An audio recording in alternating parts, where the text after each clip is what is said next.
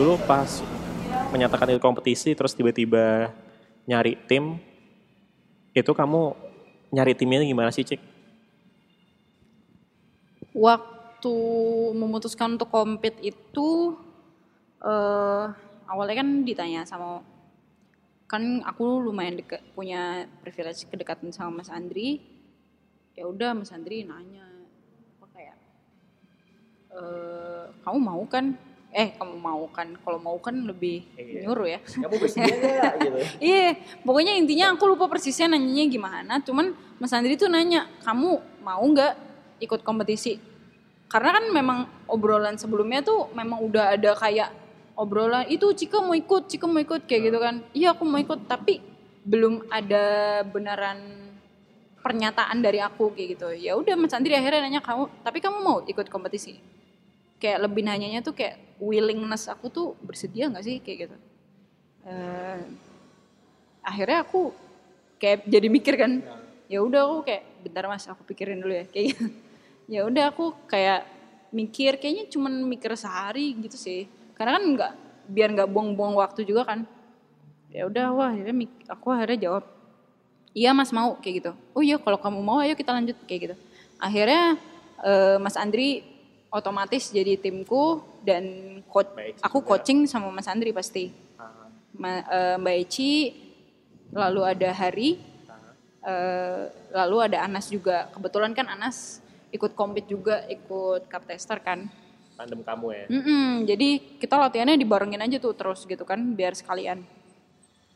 Jadi aku coachingnya itu lebih ke Mas Andri sih. Jadi kan dalam proses latihan itu eh, Mas Andri juga nanya sama aku, kamu maunya ketika orang-orang ngelihat performance kamu selama latihan, kamu kira-kira bakal bisa nggak nerima input dari mereka mereka kayak gitu. Kalau misalnya mereka mau ngasih saran ke kamu, atau lebih baik mereka ngasih sarannya ke aku aja, baru aku nyampein ke kamu. Lalu aku memilih untuk eh, pilihan kedua. Kalau misalnya kalau misalnya ada saran dari orang-orang, nampungnya ke Mas Andri aja, Mas. Aku kayaknya nggak bisa ngedengerin orang banyak. Aku bilang kayak gitu.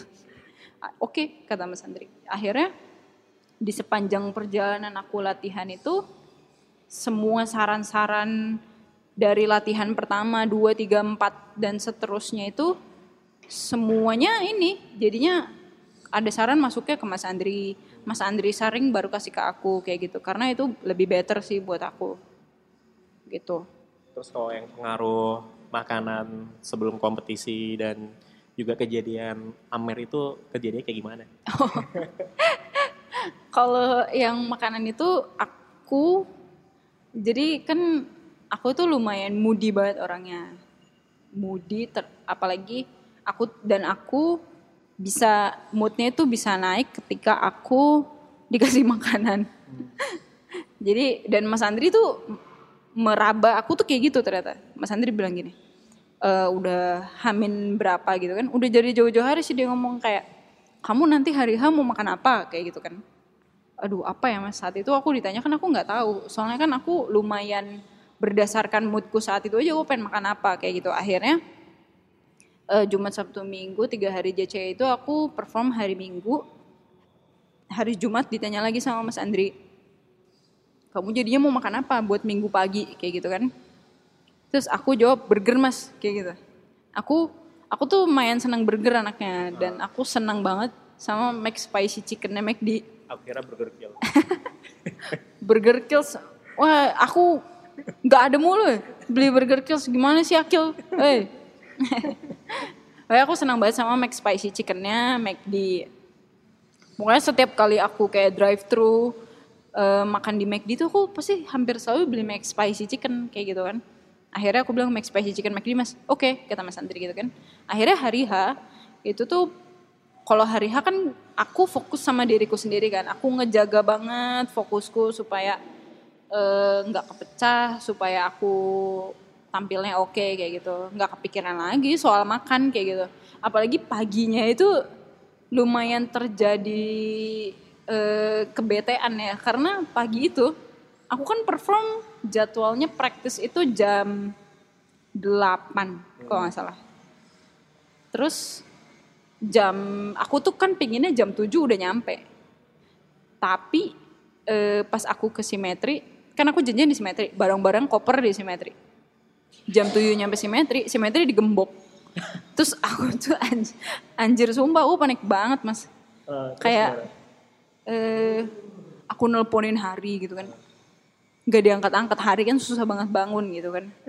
Terus anjir nggak diangkat-angkat, aku tuh udah stres banget. Maksudnya Wah ini gagal. nih, Iya gagal. anjir bukan bukan gagal anjir ini telat telat gitu kan. Jam tujuan gitu, pokoknya jam tujuan gitu tuh kayaknya jam setengah delapan gitu aku baru berangkat pokoknya akhirnya. Kayak hari tuh tiba-tiba datang. Terus kayak sorry ya cik, aku baru sorry ya cik, sorry aku baru bangun gini gini. So aku kayak ya aku mau marah tapi aku nggak mungkin marah maksudnya Iya, kayak jaga ah, ya.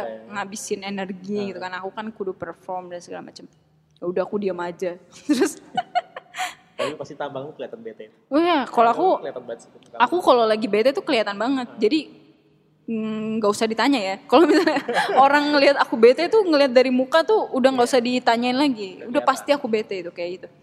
Ya udah akhirnya nyampe nyampe venue itu Mas Andri udah di sana, Mbak Ciro di sana. Mas Andri bilang, "Iya, bentar lagi makanan datang ya." Oh, aku langsung kayak keinget, "Oh iya ada makanan udah pesenin." Gitu kan aku bahkan eh, even nggak kepikiran kayak gitu. Ya udah.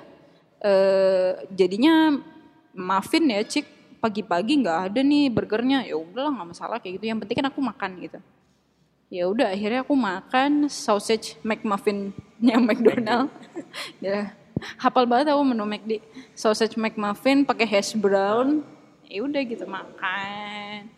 Makan gitu kan. Terus udah tuh perut udah keisi eh, ketawa-ketawa ngobrol sama yang lain habis itu itu kan acaranya kalau nggak salah minggu masih ngaret ya kayak sekitar jam 9 gitu kayaknya hampir jam 9 baru mulai juri-juri habis kalibrasi aku langsung dipanggil praktis gitu. Oh sebelumnya aku udah ngerapin barang ke troli kayak gitu. Udah habis itu dipanggil praktis aku praktis gitu kan praktis aku udah selesai sa- aku praktis kan di praktis room sama Mas Andri. Praktis udah kelar habis itu aku nunggu preparation time untuk masuk ke stage. Nah pas aku masuk prep time itu kan eh, peserta setelahku masuk untuk praktis kan. Nah kebetulan setelah aku itu Koriki Koriki dari sekutu. Nah Koriki kan timnya Bisma tuh. Ternyata mereka di practice room itu bawa Amer. Ya. Udah. Terus kayak eh, aku sama Mas Andi itu kayak wih apa tuh? Apa tuh? Gitu kan botol warna ungu ungu tua gitu kan.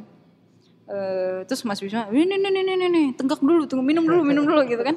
Ya udah aku jadi minum deh. Aku minum paling seteguk dua teguk kalau nggak salah aku inget dan ternyata tuh bikin aku relax banget sih. Ya udah terus aku minum Mas Andri juga minum gitu kan. Ya, gitu mereka minum. ya. ya Koriki sama Mas Bisma juga minum kayak wah itu kita di practice room tuh gitu ya. Itulah the beauty of competition menurutku ya.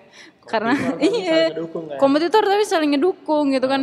Koriki bilang good luck cik good luck good luck kayak gitu kan. Iya Koriki juga praktisnya yang oke kayak gitu gitu terus ya itu sih aku senang banget minum Amer dulu sebelum naik stage karena kan ya pasti siapa sih yang gak deg-degan pas maju stage gitu loh ya itu waktu yang dinanti-nanti tapi kita juga sekaligus worried kita tampil oke atau enggak cuman kan waktu itu aku kebantu banget sih ngerelax jadi abis minum Amer udah deh Ya, relax deh.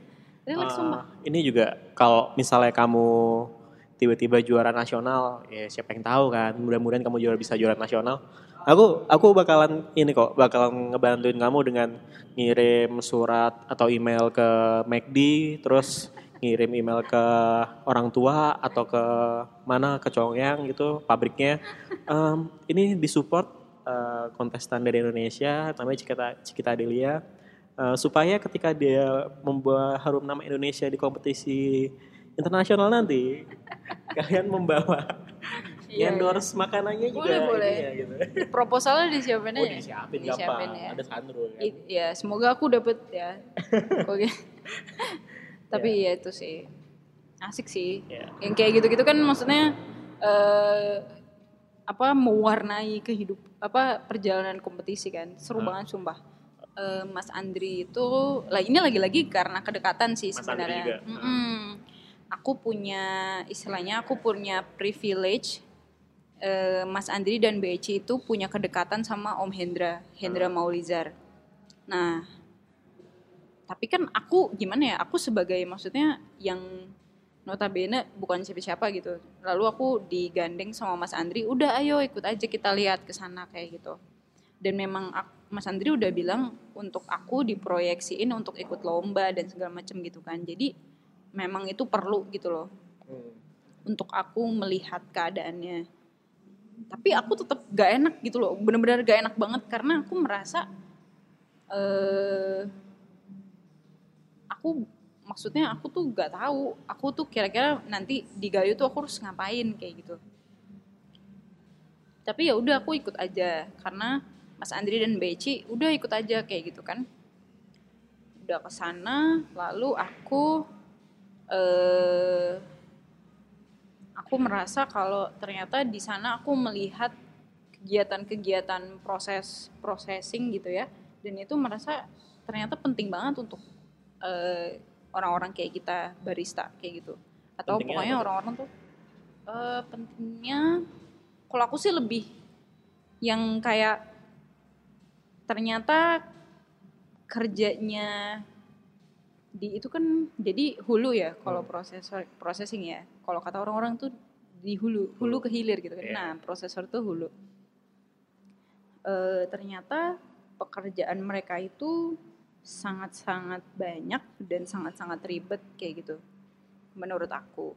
Nah eh, titik perannya adalah menurutku aku sebagai pem- pembuat kopi sebagai barista gitu tuh aku jadi lebih bisa kayak selain untuk produk knowledge-nya aku informasi informasi itu kan penting banget ya. Soalnya sekarang orang tuh nyari informasi kan. Nah sel- selain product knowledge informasi jadi ada cerita yang bisa aku bagikan gitu. Jadi kayak ada sisi emosional sama sentimentalnya gitu loh Mas Alip. Lalu aku merasa kalau hmm, apa kerjanya prosesor di sana itu ternyata seberat itu maka kita itu benar-benar punya peran yang eh, sebenarnya kita punya chance peran yang signifikan banget untuk gimana si kopi ini tuh kita appreciate banget loh kayak gitu. Karena kan eh, yang lagi-lagi kembali kan kopi itu dinikmati bukan cuman sama kita loh bukan cuman sama barista tapi sama orang-orang kayak gitu sama customer dan kita bisa membagikan itu eh, ke mereka. Dan itu perannya kita perannya barista kayak gitu. Kita istilahnya sebagai medianya kayak gitu. Bukan hanya skillnya aja yang kita pelajarin banget kayak gitu. Kayak tekniknya dan segala macem. Tapi itu sih eh, tapi aku juga masih belajar soal ini. Maksudnya gimana ya enaknya kita tuh eh, ngasih tahu ke orang-orang bahwa kopi ini tuh udah diproses begini loh sedemikian rupa sehingga dia tuh menghasilkan rasa yang kayak gini dan rasa yang kayak gini harus diapresiat sama orang kayak gitu loh. Secara quality itu ini oke loh kayak gitu. Karena itu tuh aku masih belajar juga Mas Alip. Maksudnya gimana ya biar orang-orang tuh eh, punya apa punya pemikiran untuk menghargai kopi tuh seperti itu kayak gitu karena kan kita nggak bisa maksain gitu kan kita harus maksudnya nyampein itu kemasannya dengan bagus nah itu tuh menurutku perannya kita kayak gitu gitu sih mas Nah, kalau misalnya menurutmu nih, seberapa penting buat kompetitor buat main ke hulunya gitu? Seberapa eh, pentingnya tuh berapa persen sih gitu? oh seberapa Menurutmu ya? menurutku ya Eh, kalau aku hmm, pen- penting mah penting ya pasti. Emang kalau berapa persen aku kurang bisa ngasih Ngasih, angka juga. iya. Cuman mungkin aku bakal share aja bagi aku pentingnya gimana. Karena eh kalau pentingnya itu akan lebih ke mudahnya aja sih. Karena aku gini, karena kalau compete itu kan kita di dalam skrip ada bagian processing kan. Jadi kita ceritain kayak misalnya kayak uh, this anaerobic natural fermentation comes from gini gini gini gitu kan. Uh, proses proses anaerobically gitu-gitu kan. Maksudnya hal-hal yang tentang processing ini kan ketika kita menyampaikan skrip sebisa mungkin kita udah ngerti tuh. Iya. kalau misalnya kita nggak ngerti itu kan lumayan susah untuk ngapal bagi beberapa orang ya termasuk aku kayak gitu. Jadi aku tuh di dari 10 menit skrip itu tuh aku pasti hampir pasti susah ngapalin bagian processing Mas Alip. Jadi kayak anjir ini gimana ya? Maksudnya kayak aku sering banget nanya kan ke Mas Andri Mas kalau jemur di apa di dom itu maksudnya di dalam rumah kan di dalam itu kan di dalam rumah kaca itu kan? Iya jadi kayak aku tuh make share lagi ke Mas Andri kayak hal-hal kayak gitu loh Mas Alip. Kayak karena aku tuh saat itu belum tahu belum ada bayangan kayak gitu kayak eh after we pulp the cherries we we wash the cherries kayak gitu loh kayak anjir pulp the cherries jadi maksudnya kayak eh kita buang kulit cherry-nya terus kayak kalau misalnya kita nggak nggak belum ngelihat kan nggak ada bayangan sama Iya. sekali. Nah menurutku kalau aku sih lebih kayak gitu kayak akan lebih mudah aku untuk ngebayangin prosesnya dan itu salah satu untuk mengimani itu gitu loh. Kalau aku sih pentingnya di situ biar ada aku biar ada bayangannya bagaimana kopiku sendiri yang aku pakai kompet itu diprosesnya seperti itu dan aku tahu dan aku pernah lihat pakai mata aku sendiri kayak gitu. Gitu sih mas. Ya kan kalau misalnya proses yang kamu ke hulunya ya. Hmm. Terus kalau yang latihan sama tim yang di sini itu kayak gimana tuh? Kalau latihan sama tim yang di sini, aku tuh kayak eh bentar JCE tuh du akhir September. Iya. Aku tuh latihan intensif itu bisa dibilang kayak eh, tiga minggu apa sebulan kayak gitu. Dan itu hampir tiap hari aku latihan. Aku awal mulanya itu sama Mas Andri habis ditanya kamu beneran mau kan ikut JCE kayak gitu. Balik yang tadi ya. Iya Buat mau kayak gitu. timbangan tadi. nggak nggak langsung jawab mau lagi kan Iya. aku mikirin dulu tuh ntar ya mas aku pikir dulu gitu apa, apa sih? Kok kamu masih, aduh, mas, udah udah ini kok masih ragu-ragu gitu? Apa yang membuat kamu masih ragu-ragu gitu? ya, ya, aku tuh lumayan orangnya tuh maksudnya lumayan mikir Ah. tapi mikirnya tuh kadang aku kayak ah ngapain sih cik mikir? Kayak gitu. Kayak hajar aja kayak gitu. Tapi habis itu kayak ya kudu dipikirin dong. Kalau misalnya lu emang niat berarti lu kudu jawab iya Atau enggak? atau enggak kayak gitu. Nggak tahu ya mas. Aku kurang bisa jelasin diri aku tuh maksudnya ya lumayan mikir lah intinya. Ya udah akhirnya aku jawab mau. Terus mas Andri bilang ya udah kamu mau cabang apa nih? Cabang olahraga apa?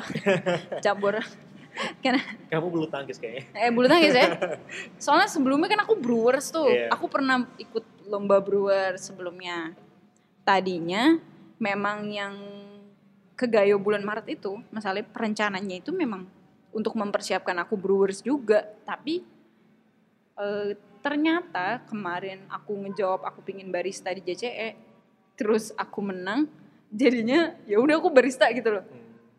Nah itu perubahannya kenapa tiba-tiba kamu jadi barista? Gak di Hmm.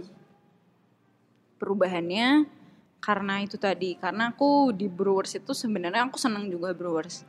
Kayak aku merasa ah bisa nih di Brewers kayak gitu kan. Lalu aku eh, nyoba di barista karena aku pingin tahu kira-kira tuh aku enjoy atau enggak ya di barista. Dan ternyata aku lebih enjoy mas gitu. Jadi eh, mungkin itulah kenapa ya karena eh, perlombaan kopi ada cabang-cabangnya kayak gitu. Karena mem- mungkin memang ada orang yang memang dia tuh orangnya brewers banget. Dan ada orang yang dia barista kayak gitu.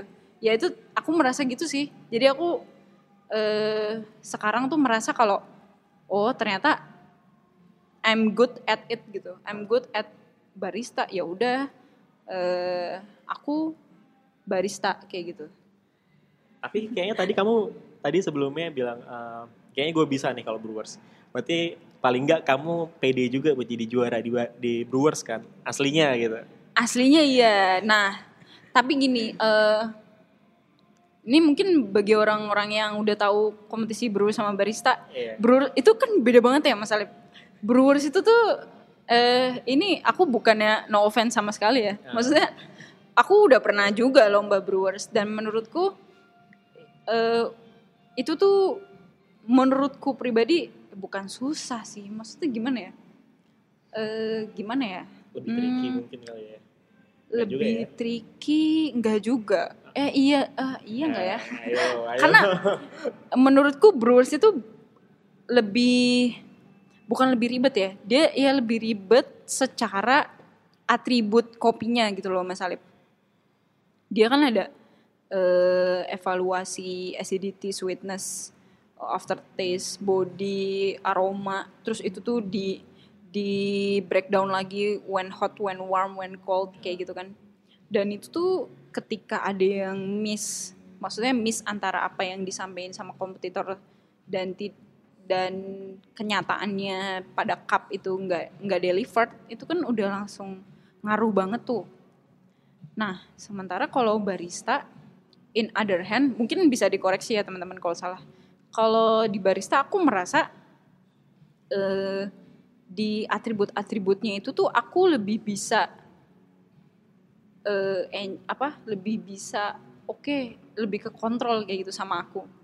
Dan aku lebih seneng secara workflow sih. Mungkin aku bisa jawab di workflow aja. Karena secara workflow eh, ketika aku pulling shot espresso aku steaming susu aku pouring milk be- milk beverage ternyata aku lebih seneng kayak gitu. Dibandingkan aku nyeduh eh, manual brew brewers gitu. Ternyata kayak gitu mas Alip. Jadi aku lebih enjoy dan aku kalau kata Mas Andri eh, aku kan nanya juga ya sama Mas Andri setelah perlombaan dan setelah sebelum dan setelah. eh, setelah JCE ini aku nanya lagi sama Mas Andri. Mas Andri menurut Mas Andri after after all this time kayak gitu kan aku nanya menurut Mas Andri gimana performa aku di cabang barista kayak gitu ini setelah lomba setelah kamu dinyatakan Set- juara Iya atau- setelah setelah lomba Iya. setelah aku menang kayak gitu. Maksudku kalau memang aku masih apa harus meningkatkan diri aku di berbagai di beberapa hal, aku minta koreksi dari Mas Andri kayak gitu kan. Karena aku merasa eh aku masih kurang di beberapa hal sih setelah aku ngelihat score sheet kayak gitu kan. Mas Andri bilang, "Eh, iya, eh, kamu menurutku sih kamu eh, tetap barista aja kayak gitu. Karena aku bisa ngelihat kamu tuh bisa nge-push diri kamu tuh ketika kamu barista kayak gitu. Jadi maksudnya dibandingkan dengan brewers, aku tuh kayak lebih bisa eh, nge-push diri aku, push to the limit di ketika aku ngejalanin rutinnya barista kayak gitu. Ya udah jadinya aku jadi lebih bisa pede lagi kan. Kalau oh ternyata gitu ya mas? Iya iya kamu kayak gitu kok. Kamu kamu bisa lebih nge-push diri kamu buat disiplin kamu bisa nge-push diri kamu buat bikin bikin konsep kayak gitu gitu ternyata pada saat aku ngikut barista kayak gitu. Ya udah.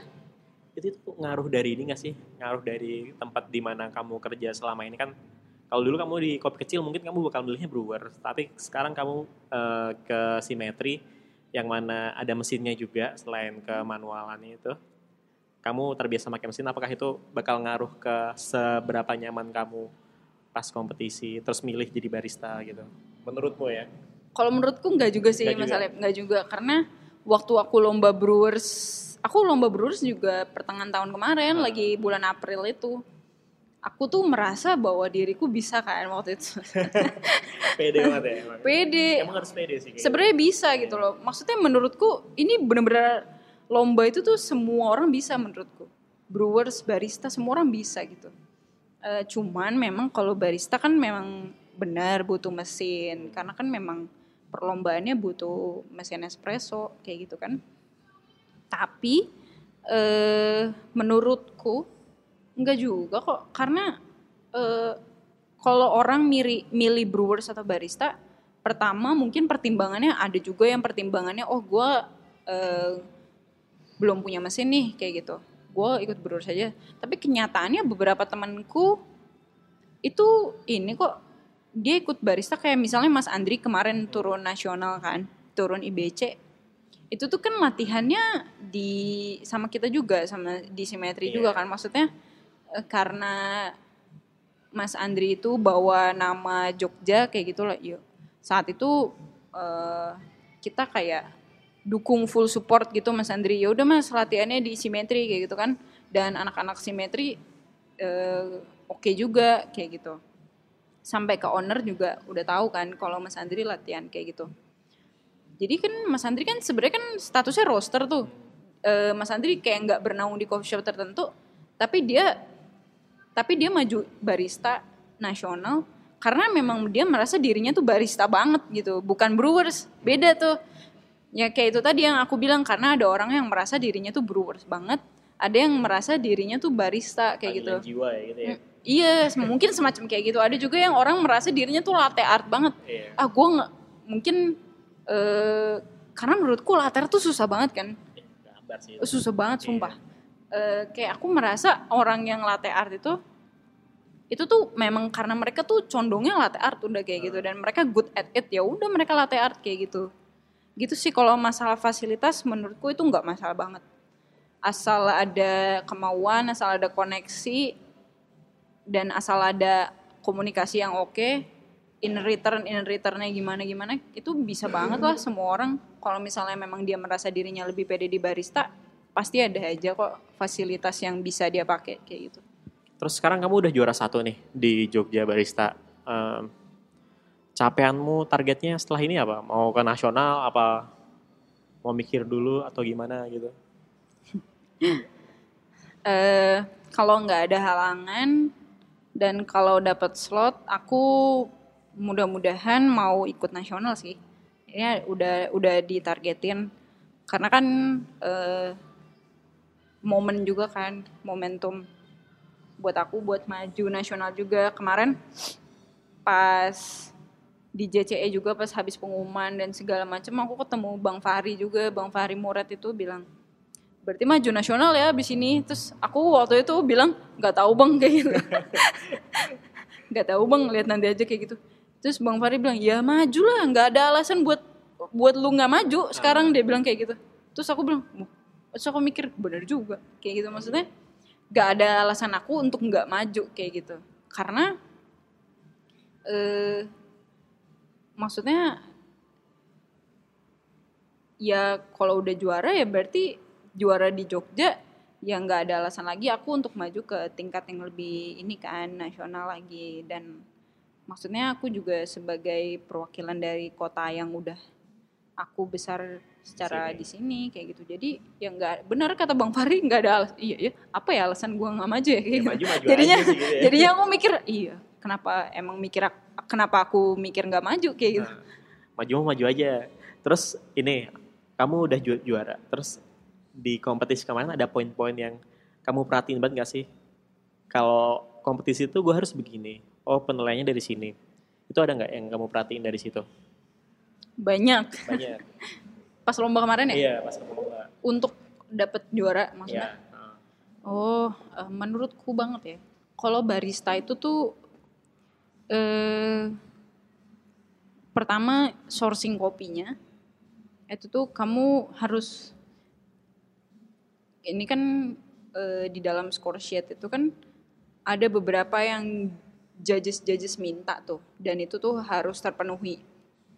Pertama menurutku kita harus nyari kopi yang memenuhi itu semua memenuhi dalam arti dan ini menyangkut eh, berhubungan ke konsep juga ya misalnya nih kayak ada kan orang yang bawa konsep misalnya tentang body kopi misalnya gitu body itu ternyata improve quality loh kayak gitu sementara di score sheet itu kan memang ada poin apa atribut weight texture body kayak gitu kan nah bukan semata-mata eh, scoring di atribut itu tuh yang tinggi itu tuh yang bakal menang kayak gitu loh.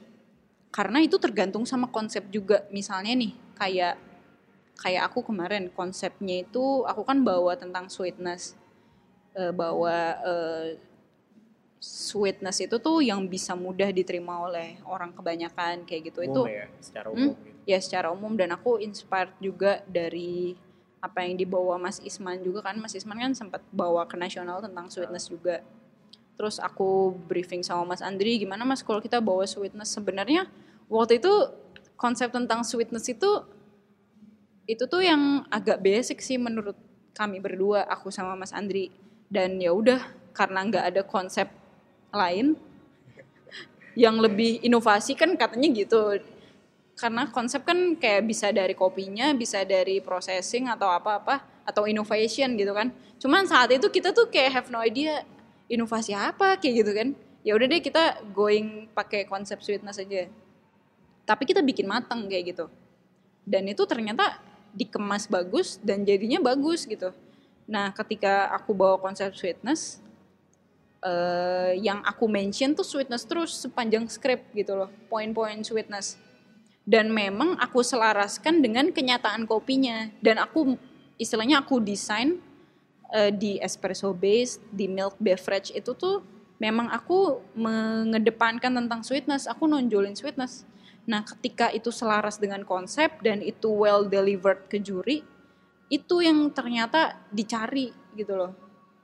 Kan ada ya eh, konsepnya itu tentang misalnya konsepnya misalnya nih ngambilnya konsep sweetness tapi ternyata espressonya itu acidity-nya yang lebih naik gitu misalnya gitu.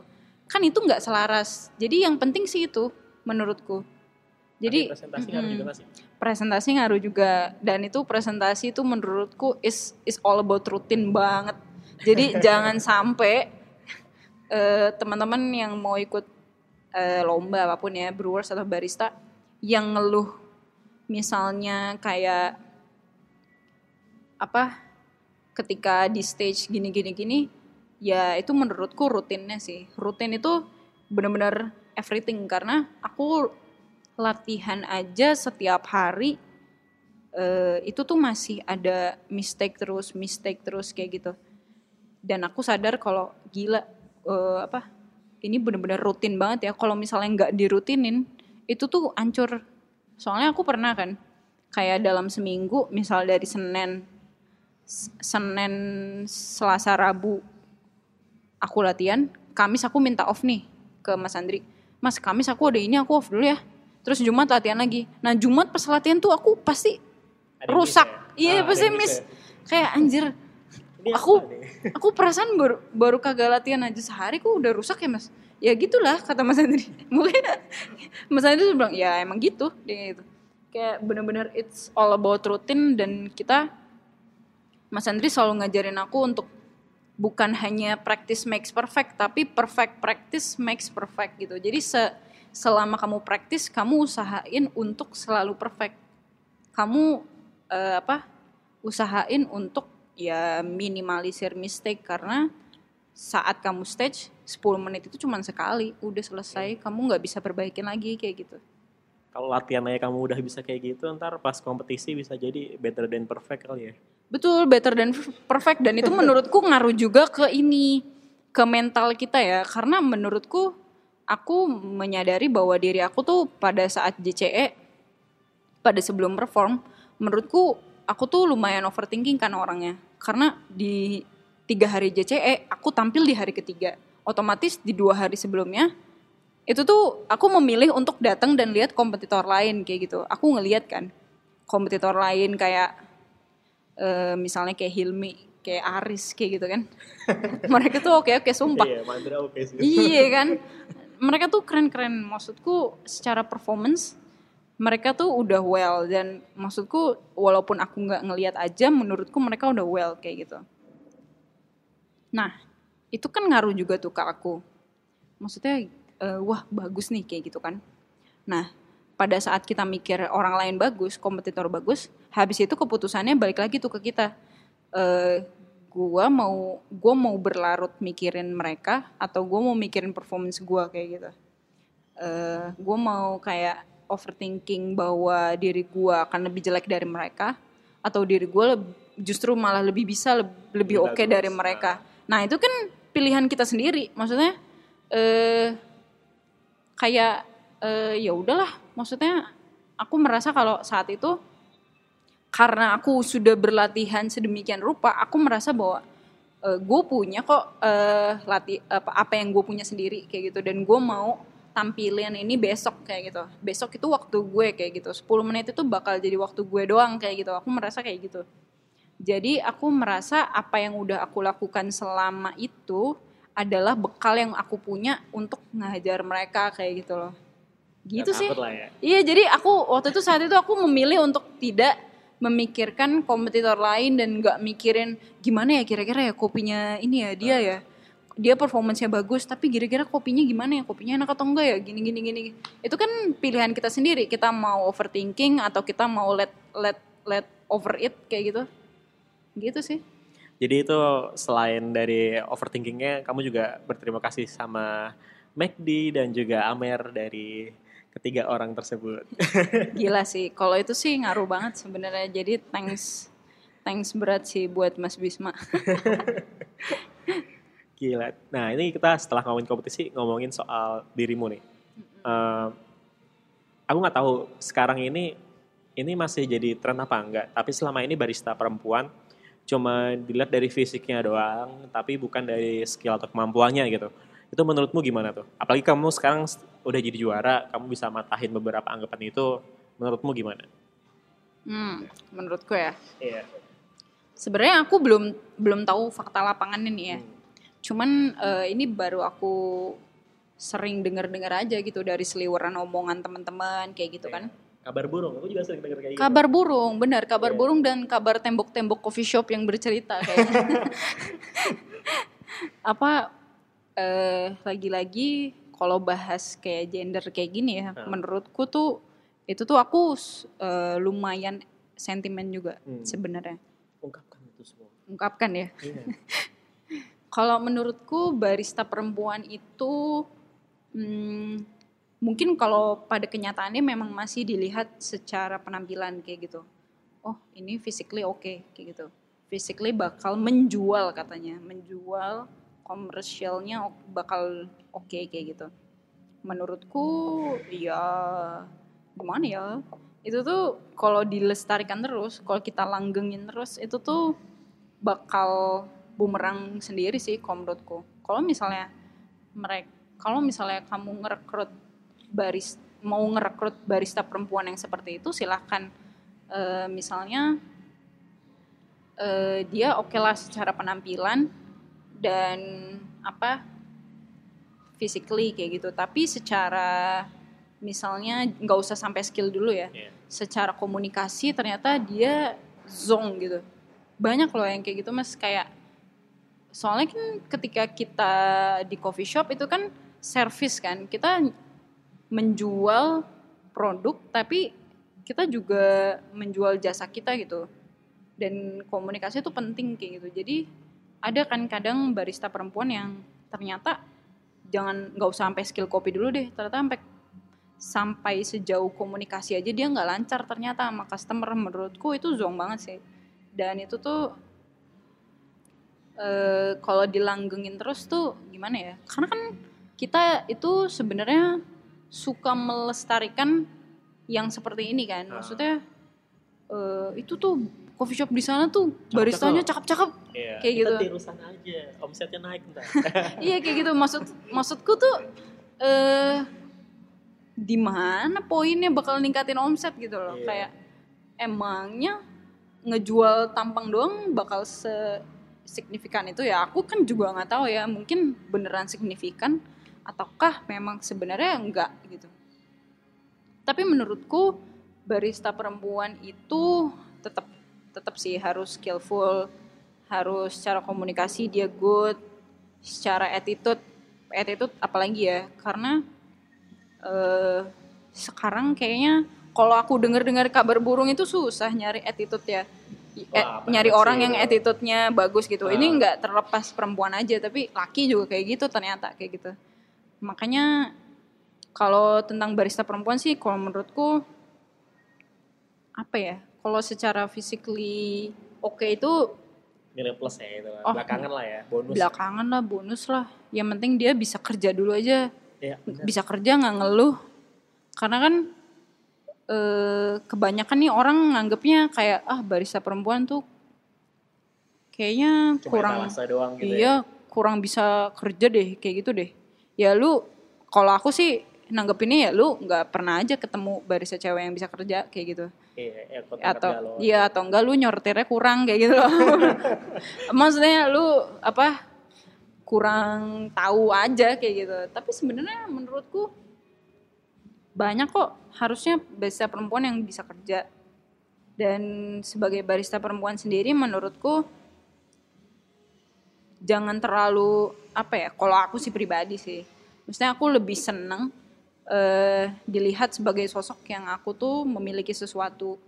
Bukan karena aku physically good, physically okay dan kayak eh, ini nih si Cika nih barista perempuan yang cakep kayak gitu misalnya ya misalnya kayak gitu. Aku lebih seneng dianggap kalau eh ini si Cika nih dia eh, apa misalnya jago loh nyeduhnya kayak gitu. Atau misalnya kemarin aku dibikinin cappuccino di simetri sama si Cika itu enak dia kalau kalibrasi bagus aku lebih senang kayak Iya. gitu sih kalau aku sih lebih senang kayak gitu dianggap seperti itu karena menurutku kalau physically tuh ya itu nanti cuman domplengan aja sih menurutku bonus lah itu paling Mm-mm.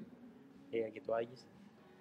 Kalau misalnya ada pesan-pesan nggak kamu dari buat para para barista yang ingin berkompetisi? Pesan untuk barista yang kompetisi lanjutin aja menurutku karena eh, kadang kan kalau kita mau ikut kompetisi eh, itu kan kayak ada yang setengah-setengah atau ada yang kayak ya udahlah gue ikut aja kayak gitu Asal ikut Mak- aja. iya gitu ya. maksudku lanjutin tuh maksudnya lanjutin terus di polin bener-bener put your energy into it gitu menurutku karena ketika kita masukin energi kita ke situ eh, mudah-mudahan nanti prosesnya dilancarin segala susah-susahnya latihan kita maksudnya kita ya kita kerjain dengan ikhlas kayak gitu. Makanya nanti eh, kalau menurutku kalau kita ngasih energi penuh kita ke situ mudah-mudahan nanti hasilnya oke kayak gitu apa pun itu. Karena kayak Mas Andri aja dia selalu nanya sama aku kalau misalnya aku ikut lomba terus aku kalah kayak gitu ya. Atau aku menang kayak gitu. Sama aja Mas Andri tuh pertanyaannya kamu puas gak? kayak gitu. Puas mas kayak gitu. Karena aku orangnya eh, menurutku ketika aku bilang puas ya aku beneran puas. Kalau misalnya aku nggak puas eh, berarti aku ada yang ganjel dan aku harus perbaikin itu sendiri kayak gitu ketika aku bilang puas berarti kan itu udah berlalu. Nah dari sesuatu yang udah berlalu itu harusnya kita bisa belajar dong. Kira-kira gue salah apa sih? Kayak gitu. Gue salah apa sehingga gue tuh misalnya cuman kemarin misalnya di lomba Brewers aku cuman peringkat 6 kayak gitu. Gila gue salah di mana sih? Kayak gitu loh. Kayak ngevaluasi diri eh, dan bukan nyalahin diri aja kayak gitu. Dan bukan nyalahin sesuatu yang lain tapi berbenah lah kayak gitu. Beneran berbenah kayak gitu. Untuk orang-orang yang mau kompetisi menurutku ben, dilanjutkan dan masukin energi kamu ke situ terus benar-benar diniatin lagi terus apalagi ya cari tim yang oke maksudnya oke secara quality oke secara kedekatan juga. Karena kedekatan menurutku penting banget ya. Ketika kamu deket sama tim kamu tuh mudah-mudahan itu bakal membawa keceriaan di dalam dunia latihannya kayak gitu. Terus jangan lupa Amer. Biar relax ya. Terus jangan lupa juga makanan kesukaan sebelum ini. jangan lupa makanan kesukaan ya. Mungkin kan ada orang yang sukanya apa gitu ya misal dia sukanya gaming ya jangan lupa nyempetin waktu untuk hal-hal yang disuka maksudnya Kebangun mood ya. iya untuk ngebangun mood gitu Lagi nggak? udah itu Ya, aja terima kasih buat pacar, terima kasih Oh. buat orang tua gitu. Kayak penghargaan Iya. aja ya. Kayak penghargaan aja Eh, gitu ya, kalau misalnya udah, kita udahin aja. Terima kasih banyak. Sampai jumpa di podcast berikutnya. Dah. Ntar cek. Kayaknya tadi. Ntar cek. Kayaknya tadi. Ntar cek. Kayaknya tadi. Hold up. Hey, سخن ولا بدأ episode. Hold up. Hey, سخن ولا بدأ episode. Hold up. Hey, سخن ولا بدأ episode. Hold up. Hey, سخن ولا بدأ episode. Hey,